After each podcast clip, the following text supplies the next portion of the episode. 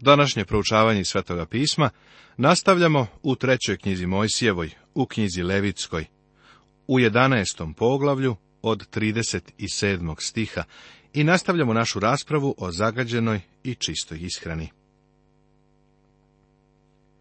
Zar nije divno da je gospod Isus Hristos izvor žive vode? On se ne zaprlja u dodiru sa grešnikom ili sa bolesnikom, sa gubavcem ili ženom koja je krvarila – Isus je rekao, ako pije od vode koju ću mu ja dati, neće ožedneti do veka, nego će voda koju ću mu ja dati postati u njemu izvor vode koja uvira u večni život. I ovo je rečeno. A posljednjeg velikog dana praznika stajao je Isus i vikao govoreći, ako je ko žedan, neka dođe k meni i neka pije. Ko veruje u mene, kao što reče pismo, iz njegova tela će poteći reke žive vode. Ova dva stiha zapisana su u Evanđelju po Jovanu u sedmom poglavlju. Ako li što od strva njihova padne na seme koje se seje, ono će biti čisto. Ali ako bude polito seme vodom, pa onda padne što od strva njihova na seme, da vam je nečisto. Sada napuštamo kuhinju i odlazimo na polja i proizvodnju hrane. Suvo seme, koje tek treba posajati, nije moglo da se zadarazi dodirom sa lešinom nečiste životinje. Međutim, ako je seme bilo mokro, onda je njegova ljuska ili čaura bila prožeta, kroz nju bi nečistoća prodrla, pa je takvo seme bilo nečisto. Evo zašto je Božijem detetu danas potreban oklop ili omotač. Ovako nam je kazano. Obucite se u sve oružje Božije, da biste mogli odoleti đavolskom lukavstvu. Kontakt sa lešinama čistih životinja I kad ugine životinja od onih koje jedete, ko se dotakne strva njezina da je nečist do večera. Ako bi jeo od strva njezina, neka opere haljine svoje i da je nečist do večera i ko bi odneo strv njezin, neka opere haljine svoje i da je nečist do večera. Svaka čista životinja koja bi uginula sama od sebe ili od bolesti bila je nečista. U Malahiju prvom poglavlju u osmom stihu Bog je zabranio žrtvovanje bilo koje životinje koja je bila hroma ili bolesna. Bog ni od nas neće prihvatiti ono što je drugorazredno ili odbačeno zagađenost gmizavcima. I sve što puže po zemlji da vam je gadno, da se ne jede, što god ide na trbuhu i što god ide na četiri noge ili ima više nogu, između svega što puže po zemlji, to ne jedite jer je gad. Nemojte se poganiti ničem što gamiže i nemojte se skrvniti njima, da ne budete nečisti s njih. Sve što gmiže po zemlji ili se vuče po stomaku, bilo je nečisto. Bog navodi razlog zbog koga ne treba da se opogane njima. Jer ja sam gospod Bog vaš, zato se osvećujte i budite sveti, jer sam ja svet. I nemojte se skrvniti ničim što puže po zemlji, jer sam ja gospod koji sam vas izveo iz zemlje misirske da vam budem Bog. Budite dakle sveti, jer sam ja svet. Sve što gmiže je bilo nečisto i to je predstavljalo pad čoveka, kada je zmija bila prokleta da puzi po stomaku. Klasifikacija čistog i nečistog koju je načinio sveti Bog. Ovo je zakon za zveri i za ptice, i za sve životinje što se miču po vodi, i za svaku dušu živu koja puže po zemlji. Da se raspoznaje nečisto od čistoga i životinja koja se jede od životinje koja se ne jede. Bog pravi oštru razliku između čistog i nečistog od suštinske važnosti svetost u sitnicama. Ovo je pravi test Božijeg čoveka. Pravi test života bilo koga iz Božijeg naroda je to. Bog kaže, ja sam tvoj gospod, ja sam svet, budi i ti svet. Prijatelju, moraš doneti odluku da li ćeš živjeti sa Bogom i za Boga u ovom zagađenom svetu. Ovo je lekcija za nas iz ovog poglavlja o čistom i nečistom. Poglavlje 12. Tema Zakon o materinstvu, prenošenju greha nasljeđem, o grešnicima rođenjem. Napomena U prethodnom poglavlju videli smo kako dodirom dolazi do zagađivanja. Bio je naglašen spoljašnji karakter greha. Živimo u svetu i okruženi smo grehom. Ovo poglavlje stavlja naglasak na unutrašnji karakter greha. Ne samo da grešnici postajemo dodirom, kontaktom, nego smo i grešnici po rođenju. Ovo poglavlje je zakon o materinstvu, o prenošenju greha nasleđivanjem. Sama priroda koju nasleđujemo je pala, grešna priroda. David je rekao, gle, u bezakonju rodih se i u grehu zatrudne mati moja mnom. Ovo poglavlje se nalazi u polju akušerstva, baš kao što je prethodno poglavlje pripadalo polju ishrane i pedijatrije. Naš gospod je veliki lekar i on je specijalista u svim ovim poljima.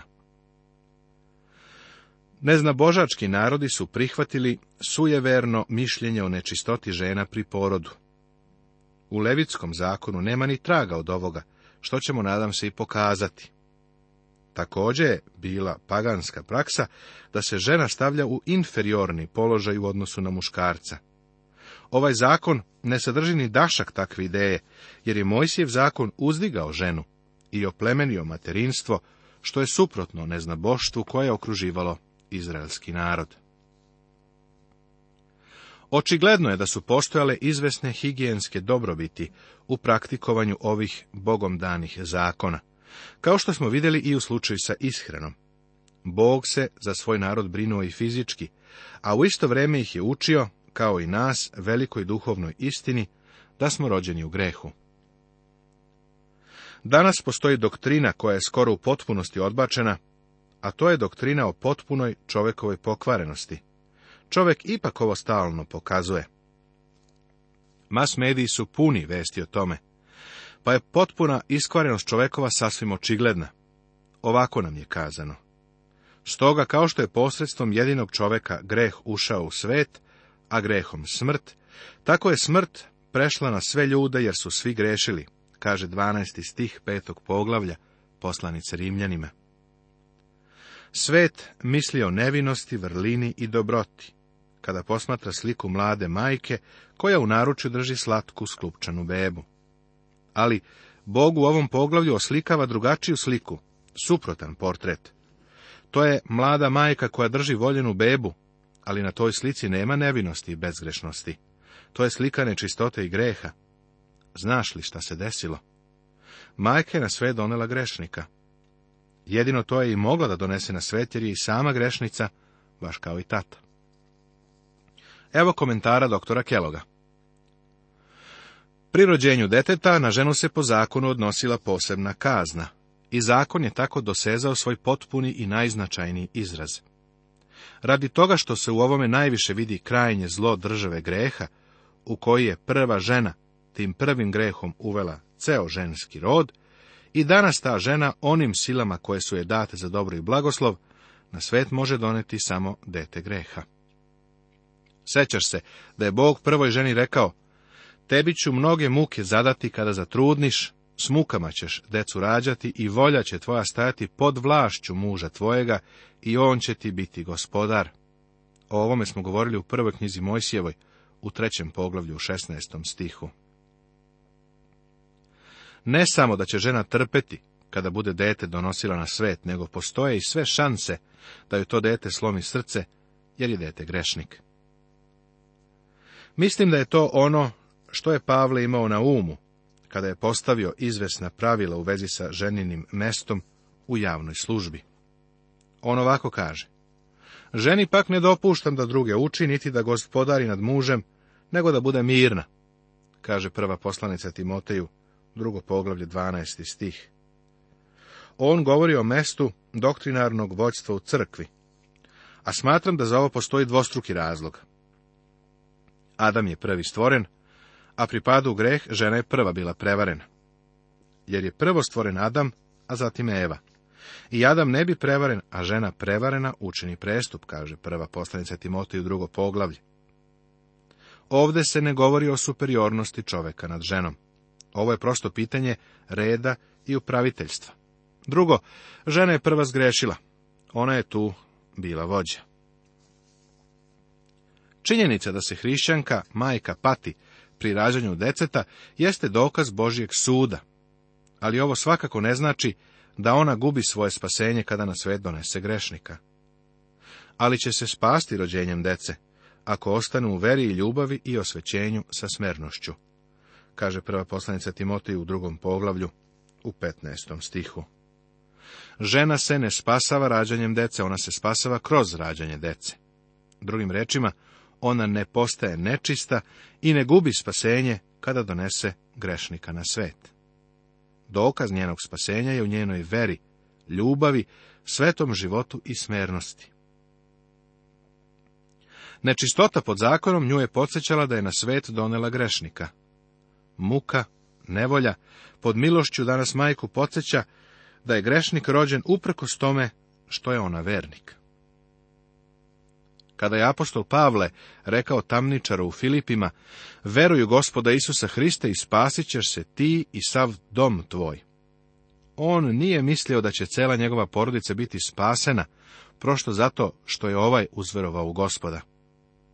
Tako isto ne znači da su tvoja deca spasena samo zato što si ti vernik. Disciplina je u mnogim porodicima potpuno opala, jer previše roditelja smatra da vaspitavaju slatke cvetiće, a ono što u stvari imaju po kućama su smrljevci.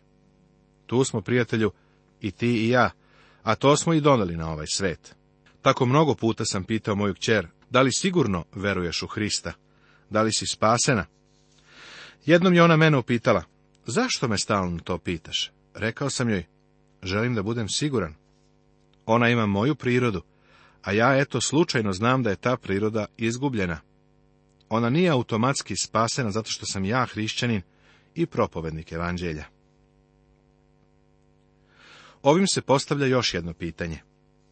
Neko je jednom rekao, ako se moja beba rađa kao grešnik i umre u vreme detinstva, znači li to da će biti izgubljena zato što je grešnik?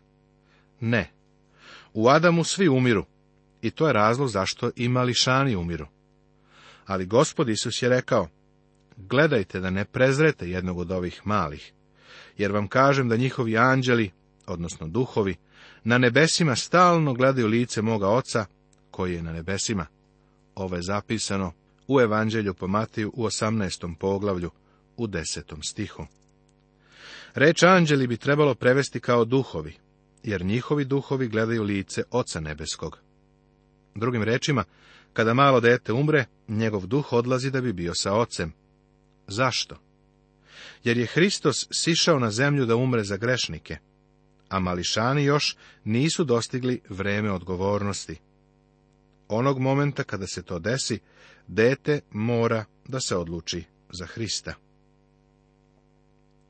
Sviđa mi se neobični epitaf koji je Robert Robertson stavio na grobove svoje četvoro dece. Smela nevernost bledi i umire. Ispod ovog kamena leži pepeo četvoro dece. Jesu li izgubljeni ili spaseni, kaži. Ako je smrt kroz greh, zgrešili su jer ovde leže. Ako je nebo kroz dela, u nebu se pojaviti neće. Razlog? Ah, kako pokvaren. Poštuj sve te stranice Biblije, nerazvezan čvor. Umrli su jer je zgrešio Adam, žive jer je Isus umro. Pregled poglavlja Deca Božje dece, poglavlje 12. Prvo, očišćenje majke pri rođenju muškog deteta, stihovi od prvog do četvrtog. Drugo, očišćenje majke pri rođenju ženskog deteta, stih peti. I treće, očišćenje majke prinošenjem žrtve izmirenja, stihovi od šestog do osmog. Očišćenje majke pri rođenju muškog deteta. I reče gospod Mojsiju govoreći, kaži sinovima Izraeljevim i reci, kad žena zatrudni i rodi muško, nečista da je sedam dana, kao u dane kad se odvaja radi nemoći svoje, bit će nečista. Majka je nečista jer je na sve donela grešnika. Eva je mislila da je na svet donela spasitelja kada je dobila kajna, ali je dobila samo grešnika i prvog ubicu. Sada ovaj ritual u zakonu treba da podsjeća žene da na svet donose istu vrstu beba, kakvu je donela i Eva. One ne mogu činiti dobro, mogu jedino grešiti. Njena nečistota je podeljena u dva perioda. Prvi period je trajao sedam dana. U sljedećem stihu ćemo vidjeti da je muško dete osmoga dana bivalo obrezivano. Obrezanje je bilo simbol dat Avramu. Znam da se ideja o nečistotima i činstva kosi sa popularnim mišljenjem o materinstvu i malenoj bebi, ali mi treba da istaknemo da bebe koje donosimo na svet jesu grešnici. One će se odati nedisciplini, bit će pobunjenici, prihvatit će novi moral, a to je ništa drugo nego staromodni greh. Cela filozofija života je potpuno pogrešna. Treba da počnemo da decu odgajamo na osnovu svetog pisma, a ne po nekom popularnom pedijatru. Ovo je izazivalo mnoge probleme tokom cele moje službe. Gledao sam kako roditelji, jedan za drugim, prate nekog popularnog pedijatra. A u osmi dan neka se obraže dete, a ona još 33 dana neka ostane čisteći se od krvi, ni jedne svete stvari da se ne dodeva i u svetinju da ne ide, dok se ne navrše dani čišćenja nezina. Već smo spomenuli da je majčin period nečistote bio podaljen na dva perioda. Prvi je trajao sedam dana, a potom bi osmoga dana dete bilo obrezano. Činjenica da je dete rođeno kao Izraelac nije ga je uključivala u savez sve dok beba ne bi bila obrezana. Svaki Izraelac je pre svega bio Adamov sin i rođen izvan saveza sa Bogom. Na to je Pavle mislio kada je rekao u poslanici Rimljanima, ali ne treba misliti da je propala reč Božja, jer nisu svi koji vode poreklo od Izraelja, pravi Izraelci. I nisu svi Avramova deca samim tim što su njegovo potomstvo. Prirodno rođenje odvaja čoveka od Boga. Bog nam ništa ne duguje. On nam je iz milosti poslao svoga sina. Drugi period majčine nečistote je trajao 33 dana, pa je ukupno vreme bilo 40 dana. Ovo ponovo potvrđuje činjenicu da je obred obrezanja imao smisao očišćenja. Ovo je bio Boži način na koji je u Starom Zavetu govorio, pustite decu k meni i ne branite im da dolaze. Obrezanje muške dece je uklanjalo izvesne majčine grehe. Njegovo prihvatanje je bilo i njeno prihvatanje. Ona je bivala podsjećana da je još uvek grešnica, pa su je za očišćenje bila potrebna još 33 dana. Zanimljivo je zapaziti da je Isus bio obrezan osmoga dana. Zatim su ga doneli u hram, kada su se dani Marijinog očišćenja prema Mojsijevom zakonu bili završili. Marija je bila grešnica, iako je donela na svet bezgrešnog spasitelja. Njegovo rođenje nije spaslo nju. Jedino ju je njeno novo rođenje, prihvatanjem Hrista kao njenog spasitelja, spaslo. Isus je bio obrezan da bi ispunio Mojsijev zakon. On je došao da ispuni, a ne da uništi zakon. On je rođen pod tim zakonom. Zato se savršeno poistovetio sa svojim narodom. Očišćenje majke pri rođenju ženskog deteta. A kad rodi žensko, onda da je nečista dve nedelje dana, kao kad se odvaja radi nemoći svoje i 66 dana neka ostane čisteći se od krvi. Vreme je duplo povećeno za očišćenje pri rođenju ženskog deteta. Ne znam zašto je to tako, ali je očigledno obrezanje muškog deteta bilo povezano sa smanjenjem broja dana i olakšanjem kazne. Milost nas uvodi u novo vreme, jer svi vi koji ste u Hrista kršteni, u Hrista ste se obukli. Nema više ni judeina, ni grka, nema ni roba, ni slobodnjaka, nema više ni muško, ni žensko, jer ste svi vi jedno u Hristu Isusu. Ako ste pak vi Hristovi, onda ste Avramovo potomstvo, nasljednici po obećanju, kaže poslanica Galatima. Očišćenje majke prinošenjem žrtve izmirenja. A kad se navrše dani čišćenja njezina, radi sine ili radi čeri, neka donese svešteniku na vrata šatora od sastanka jagnja jagnje od godine za žrtvu paljenicu i golubče ili grlicu za žrtvu radi greha.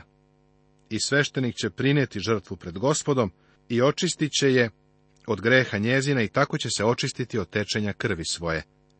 To je zakon za ženu, kad rodi muško ili žensko. Ako li ne može dati jagnjeta, onda neka uzme dve grlice ili dva golubića, jedno za žrtvu paljenicu, a drugo za žrtvu radi greha. I očistit će je sveštenik od greha njezina i bit će čista. Majka je Bogu prinosila žrtvu paljenicu i žrtvu za greh, a sveštenik je to prinosio za nju. Imajući to na umu, ona je spremna da podiže svoju decu kao grešniku kojima je potrebno da prime Hrista. O, kako je to danas potrebno porodicama. Sećaš se kada je gospod Isus bio rođen, njegova majka je prinela dve grlice, jer su siromašni mogli da ih prinose kao žrtvu. Morala je da prinese žrtvu jer je bila grešnica, nije bila bezgrešna. Prinela je žrtvu, ali nije bilo prinosa za gospoda Isusa. On je bio bezgrešan. On je bio žrtva za grehe sveta, on je jagnje Božje. Prijatelju, razmišljaj o ovim stvarima. Živimo u svetu koji je poludeo. Ovaj svet je okrenuo leđa svemogućem Bogu, a sud Boži samo što se nije spustio na ovaj svet. Mi demonstriramo činjenicu da se na ovom svetu rađaju samo grešnici i da je svim ljudima potrebna spasavajuća Božja blagodat. Svim ljudima je potrebna prolivena Hristova krv kom je plaćena kazna za naše grehe. Nastavit će se.